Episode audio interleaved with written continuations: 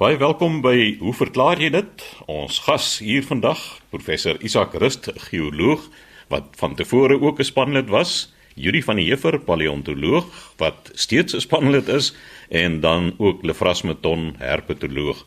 Nou Yuri, jy en professor Isak Rust gaan saamgesels oor die ouderdom van die aarde.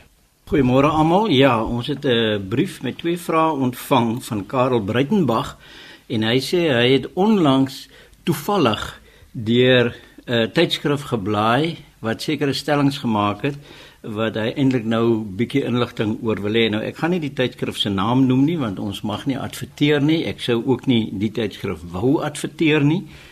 En sy vraag is lewer asseblief kommentaar oor hoe die ouderdom van die aarde bepaal word na aanleiding wat hy in die uitgawe gelees het.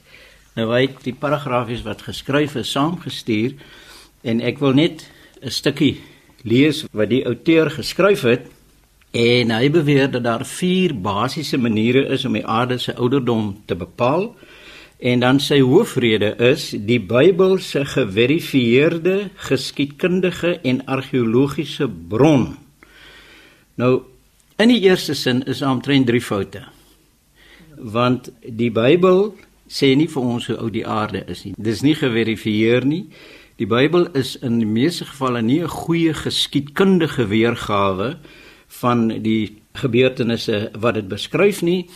En deurgaans het die argeologiese ontdekkings in die ou nabye Midde-Ooste getoon dat die Bybelskrywers in baie gevalle wilde spronge gemaak het met die waarheid. Byvoorbeeld, daar's geen teken van ongeveer 'n miljoen mense wat vir 40 jaar in die woestyn gebly het nie. Daar's geen bewyse daarvoor nie.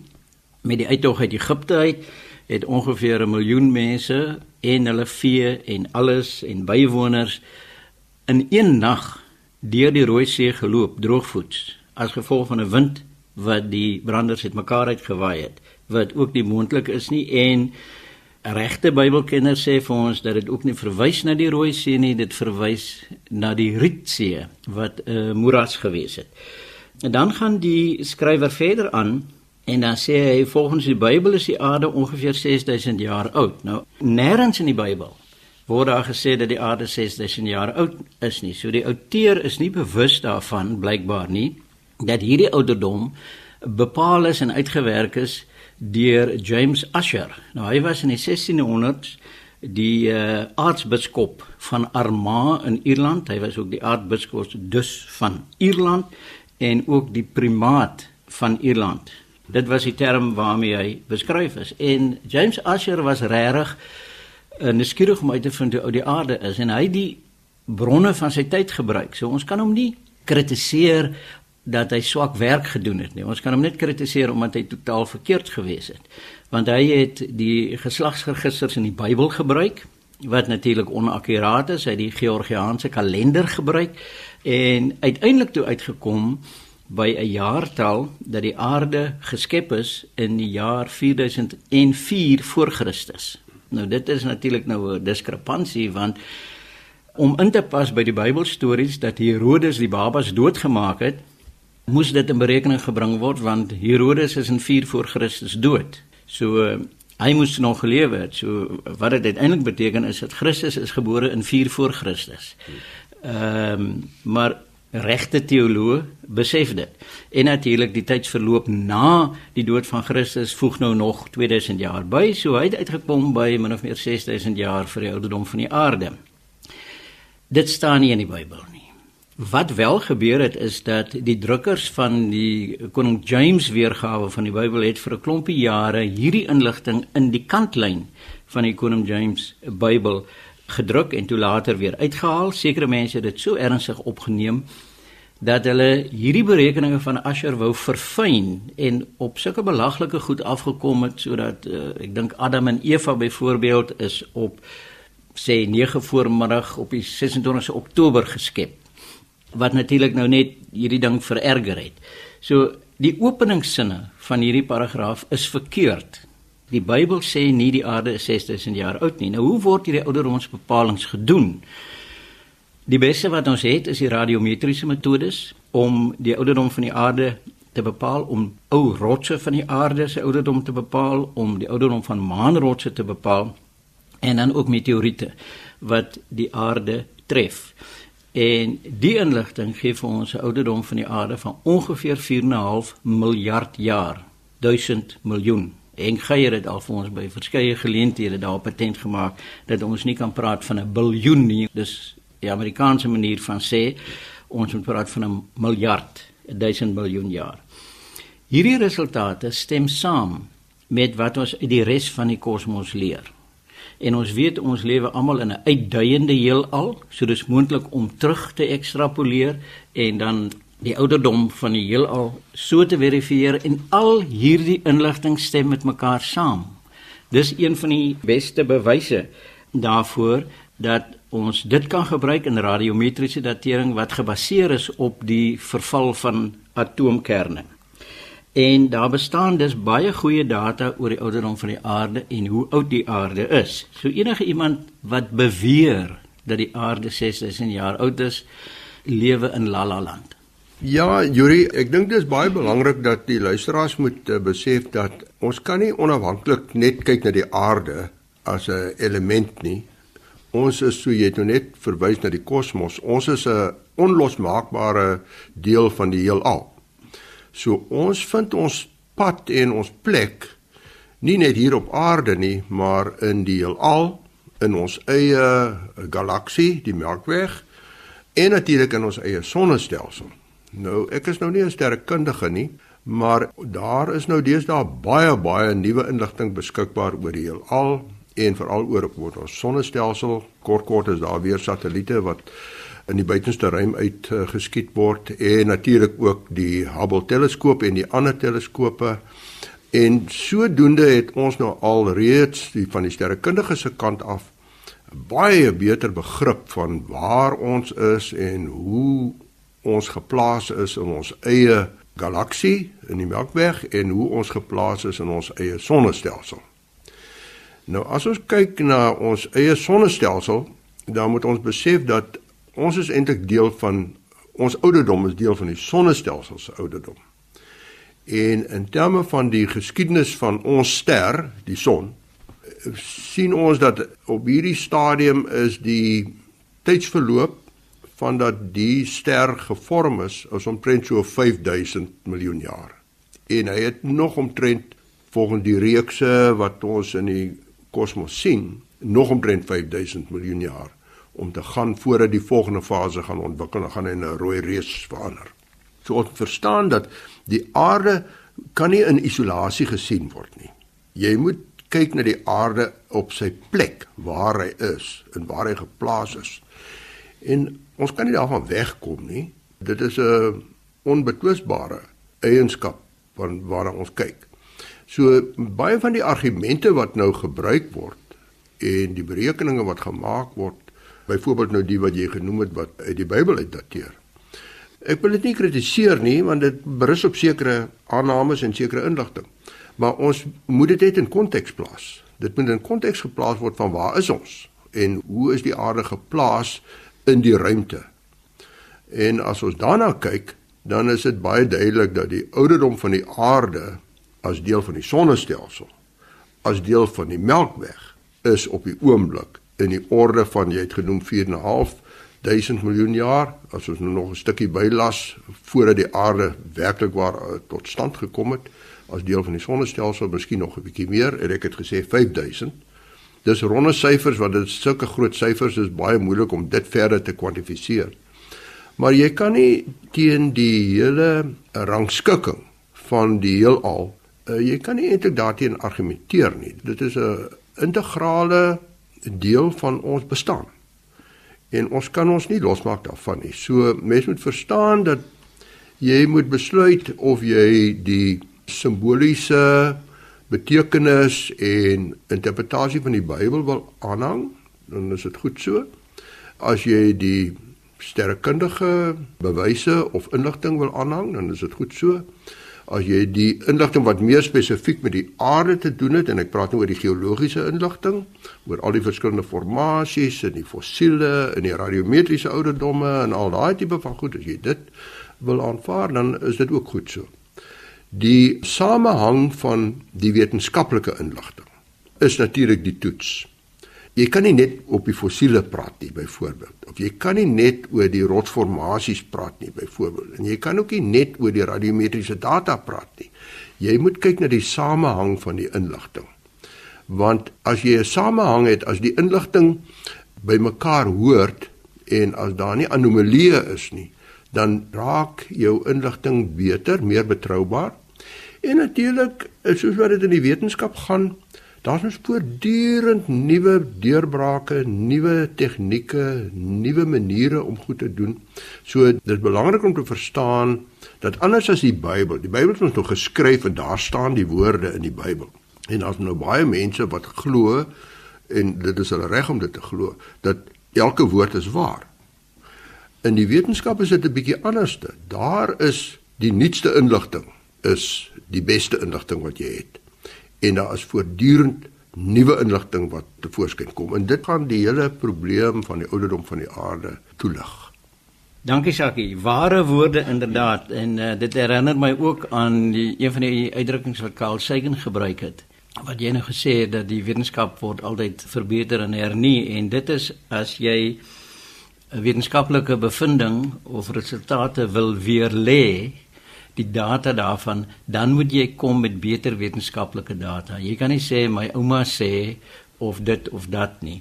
En ek wil graag nou vir die luisteraar sê maar ek dink daar is daarom lig in die tonnel want hierdie klomp mense wat nou so dink ons noem hulle breedweg die kreasioniste dink ek is gepootjie in 2005 want hierdie stryd is vir 'n lang tyd in Amerika gevoer en dit het uitgeloop op 'n uh, hele klomp hofsaake. En uiteindelik was daar ek dink die hofsaak wat alle hofsaake oortref het dis die een in die klein dorpie Dover hier rondom 2004 2005 waar kreasioniste probeer het om evolusie en geologie en die goed uit die skool uit te kry en toe dit uitgeloop op 'n hofsaak. Nou die Doring in die voet van die kreasioniste was dat as jy onder eed in 'n hofsaal sit, dan mag jy nie lieg nie. Jy kan buite soveel lieg soos wat jy wil. En een van die hoofgetuies in die saak vir hierdie kreasionistiese saak was Michael B. Hy was 'n uh, fisioloog en ook die skrywer van die boek Darwin's Black Box. En een van sy beweringe was dat daar bestaan geen wetenskaplike bewyse vir die manier waarop bloedstol of die sweephare, die flagella aan 'n uh, eensellige organisme werk nie. Nou die manier wat bloedstol word gewoonlik na verwys is die bloedkaskade en dis 'n hele klomp stappe en hy het gesê dit is so kompleks, dit moes net geskep gewees het. Dit kan nie natuurlik ontstaan het nie. Maar natuurlik is daar baie inligting oor hoe dit natuurlik ontstaan het en toe hy nou in die getuiebank sit, toe vertel hy die storie, daar's geen wetenskaplike bewyse nie. En die advokaat wat hom ondervra het, het al hierdie publikasies bymekaar gemaak. En terwyl B daar sit en vertel dat dit nie waar is nie, dra hierdie man pakke en pakke publikasies aan wat hy rondom hom op die getuiebank pak. Tot regter Jones wat 'n republikein was, 'n konservatiewe Amerikaner, vir die advokaat gesê genoeg. Ons besef wat die punt is wat jy wil maak en op daai punt moes B toe erken dat daar baie navorsing is wat hy eers ontken het oor hoe die bloedkaskade evolusionêr ontwikkel het, hoe die flagella van bakterieë en eenselliges eh, evolusionêr ontwikkel het en dit het sy saak in soveel onmin gebring dat van die ander getuies wat nog moes kom getuig het geloop. Hulle was nie bereid miskien te skaam geweest. Hulle was nie bereid om te kom getuig nie en ek dink dit was die keerpunt geweest vir hierdie groep kreasioniste toe hulle moes die waarheid praat onder eed. Nou dit het gemaak dat die hoofstroom godsdienstige groepe, die protestante, die Jode en die rooms-katolieke het 'n resolusie uitgevaardig waarin hulle sê dat daar geen regverdiging is vir hierdie siening van die Bybel en hoe die mense dit lees nie en hulle het 'n belangrike punt gemaak en ek dink dit is wat ons behoort te onthou. Die mense gee gewoonlik hoog op teen die wetenskap en evolusie en hoe verkeerd dit is, maar dit is nie waaroor dit gaan nie en dit is wat hierdie resolusie ook uitgewys het. Hierdie weerstand wat hulle bied teen die wetenskap is 'n rookskerm wat hulle eintlik betoog oor is dat hulle lees die Bybel anders en hulle verskille is nie met die wetenskap nie. Hulle verskille is met die kerk. Want al die hoofstroomkerke, die teoloë, die Bybelwetenskaplikes is vir hulle verkeerde mense en hulle stem nie saam met hoe daar met hierdie teks omgegaan het nie. Nou die meeste Bybelwetenskaplikes sê vir ons en mense wat navorsing doen oor die Bybel.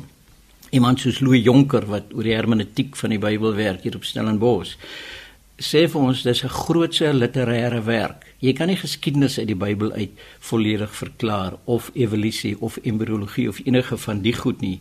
Dis 'n literêre werk wat in vir baie mense die wêreld oor 'n geweldige goeie teks is en 'n rigtinggewende teks in hulle lewe en hierdie klomp mense wil nou praat van hierdie letterlike siening. Dit moet 6000 jaar wees. Dit moet 6 dae wees van 24 uur wat dit nie is nie. Soos byvoorbeeld een van die stukkies wat die luisteraar genoem het in die boek was dat die bewering gemaak word dat daar is nou 'n ontleding en Lefras moet asseblief nie hardop lag nie. Daar is 'n ontleding gemaak van 100 000 diere spesies se mitokondriese DNA of DNS soos ons in Afrikaans sê en dit toon dat 90% van alle spesies gelyktydig ontstaan het. Dankie. Hy glimlag net. Nou dit is van alle waarheid ontbloot. En 'n mens kan doodgewoon dink daaraan dat al die diere wat vandag op aarde bestaan, beslaan omtrent 1% van al die diere wat ooit bestaan het. So as almal gelyktydig geskep het, dan was daar vandag nie plek op die aarde om te beweeg nie. Ja, so sê Yuri van der Heever, paleontoloog en Isak Rus, geoloog oor die ouderdom van die aarde. Lefras so tydjie gelede het Hendrik Geier gesels oor die verskil tussen orkane, tifone en tornado's. Nou het jy 'n vraag ontvang kan dit visse en paddas reën? Chris ja, uh, Johannes van Sail van Port Elizabeth. Hy sê na aanleiding van daardie program oor storms, wil hy weet of gerugte waar kan wees dat dit soms tydens so 'n storm paddas en visse kan reën. Nou ja, uit die vroegste antieke tye is daar al sulke verslae dat dit wel diere uit die hemel reën, maar die probleem natuurlik is, Yuri, hoe verder terug jy in die geskiedenis gaan, hoe groter raak die volla stories oor goed wat kon gebeur het. Maar as mens so kyk na so 'n tornado, veral die wat oor waters van land oor water beweeg en die opwaartse suigkrag wat daar in die middel van so 'n tornado is, dan sou mens dink dit moet wel moontlik wees. En as mens kyk na die skades wat aangerig word, dit is nou nie net visse en paddas nie, ons sal nou nou daarby kom hoekom die klem nou op hulle is. Daar sinkplate, seker koei kan so 'n paar tree verplaas word, motors word geskuiwe, ja, dan klink dit vir ons of dit wel moontlik kan wees. Nou die wetenskaplikes, baie van hulle het aanvanklik baie skepties gestaan oor die moontlikheid daarvan, want dit is maklik om na so 'n storm te loop en dan sien jy o, oh, hier lê dooie voëls of hier lê 'n klomp wurms en dan sal jy dink dat dit uit die lug uit geval, maar dit is nie werklik raak gesien het. Maar tog gelukkig in die laaste klomp jare was daar verskeie sulke gevalle waar daar werklik visse en paddas nou spesifiek uit die lug uit geval het. Kom ons praat nou maar net eers oor hoekom sal dit dan nou visse en paddas wees? Hoekom reën dit nie akedisse of spinnekoppe? En ek dink daar is Isak, jy moet sê of jy saamstem. Dit gaan hierse oor water. Water is 'n soliede medium. Die visse wat toevallig daar op daardie plekkie waar daardie suigtregter nou oop beweeg, as daar nou skool visse daaronder is toevallig of daar's klomp paddas in die water, dan as daardie water opgetrek word, dan gaan alles wat in die water is saamgaan. Maar op land, die meeste diere as so 'n storm in aantog is, die lug is in elk geval baie dunner as die water, so daardie suigkrag van die medium is nie so sterk in lug as in water nie en die meeste landdiere sou skuil. Akedisse sal almal in 'n gat in die grond wees of onder 'n klippe in en ek dink dit is hoekom die meeste van hierdie verslae van reën van diere is dan visse en paddas. Dit maak vir my nogals sin. As ek nou net op 'n ligter noot mag inkom hierso, ek weet nie of dit 'n apokriewe verhaal is nie, maar 'n paar jaar gelede is daar beweer dat brandstryders wat 'n vuur geblus het in Kalifornië wat dikwels bekend is vir groot bosbrande op die lijk van 'n man afgekom het wat volledig in 'n duikpak met 'n duikbril en 'n duiklong geklee was met paddavoete en die vraag was waar het hy vandaan gekom? En die verklaring was dat hy besig was om met sy duiktoerusting te swem toe een van die vliegtye wat die water kom skep het hom saamgeskep het met die water en toe uitgedop het op die brand. Julia, mens wonder nou wat die gewig van die organismes ek dink dit kan gebeur maar hoe ver dit verplaas gaan word soos die storm om nou uitwoed. Ek wil net byvoeg daar die situasie met die water. Mense moet nou verstaan 'n vis se digtheid is maar omtrent dieselfde as die van water en 'n padda se omtrent dieselfde as die van water. So jy kan nou as jy die water opgesuig kry, dan is alles wat binne in die water is kan ook opgesuig word. So dit is nie 'n onmoontlike ding nie om die waarheid te sê as 'n mens nou deesdae op die televisie kyk al hierdie YouTube video's van veral die storms oor uh, middel van die FSA, dan is dit 'n enorme suigkrag wat hierdie tornado's en al hierdie windstorms veroorsaak. En hier op land, jy het net gepraat van op land, op land is dit 'n stofstorm. Dis maar dieselfde losmateriaal wat opgesuig word en dieselfde gebeur oor water. Jy suig die water op, die lae druk binne in die kolk is so sterk dat jy 'n groot waterkolom opsuig in die lug in en dan trek dit 'n hele end weg en uiteindelik breek die krag daarvan natuurlik, dit weet ons mos nou. En dan waar moet die goed heen gaan? Dit stort op die grond neer. En as daar nou soos 'n skool vis byvoorbeeld, dit is nou 'n klomp wat in daardie storm of trerte opgesuig is en as die kragte nou verswak, dan hulle is almal basies dieselfde gewig en goed so, hulle val nou soos reën terug aarde toe. Is een geval waar dit paddatjies was en ek kan my voorstel net so voor die paddas nou die water verlaat, jy weet die paddavisse het nou 'n paddatjies verander en dan kan daar 'n klomp paddas wees as hulle nou opgesuig word en is 'n geval waar hulle dan nou bo in die donderwolk soos wat haal vorm, het die ys om die paddatjies saamge en sodat nou gehaal, haalkorrels wat klein paddatjies binne in het. Ja, dit is uh, nou nie net paddas en visse wat onder sulke omstandighede op die grond te lande kom nie, maar by groot vulkaniese ontploffings waar jy nou 'n stofwolk in die lug en opblaas soos wat ons nou onlangs gesien het daar in IJsland byvoorbeeld. Gebeur dit ook dat van die stof so dit van die vulkaniese poeier, dis eintlik 'n poeier. Ons praat van as 'n as, maar dis eintlik maar net rotspoeier. So hoog in die lug en opgetrek word dat dit verstrengel word as groot kom ons sê maar modderhaalkorrels. Dit is nie yskorrels nie, maar dit is modderdruppels wat uiteindelik op die grond val. So allerhande sulke goed kan gebeur. Ek bedoel mense kan nie verbeel hoe is dit moontlik dat jy nou modderdruppels so groot soos aardappels en lemoene op die grond kan kry, maar dit is die kragte wat binne in hierdie in hierdie geval nou 'n vulkaniese wolk voorkom is enorm. Dit is on, ek dink nie ons het 'n idee daarvan nie. So jy kan groot modderdruppels kry wat uit die lug uitval, nie net paddas en visse nie.